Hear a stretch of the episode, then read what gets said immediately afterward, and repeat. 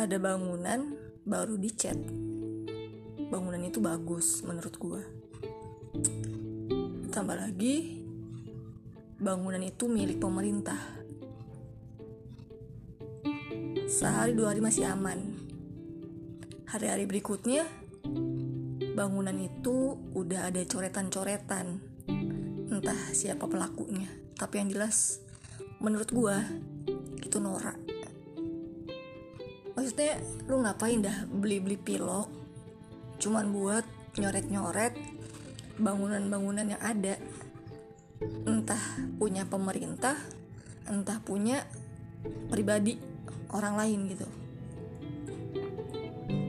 Yang gua gedek lagi nyoret-nyoretnya tuh cuman nulis nama doang. Nama-nama panggilan di tongkrongan gitulah. Kalau lu mau berkreasi lu bikin gambar apa yang bagus yang orang lain mungkin akan suka gue sih dukung.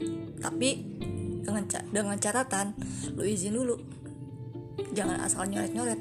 Karena nggak semua orang setuju nggak semua orang ngedukung. Kalau gue silahkan ketika lo pengen berkreasi di tembok rumah orang asal kreasinya juga uh, sopan bagus. Tapi bagus itu kan relatif ya nggak semua orang menganggap itu bagus dan nggak semua orang menganggap itu jelek gitu.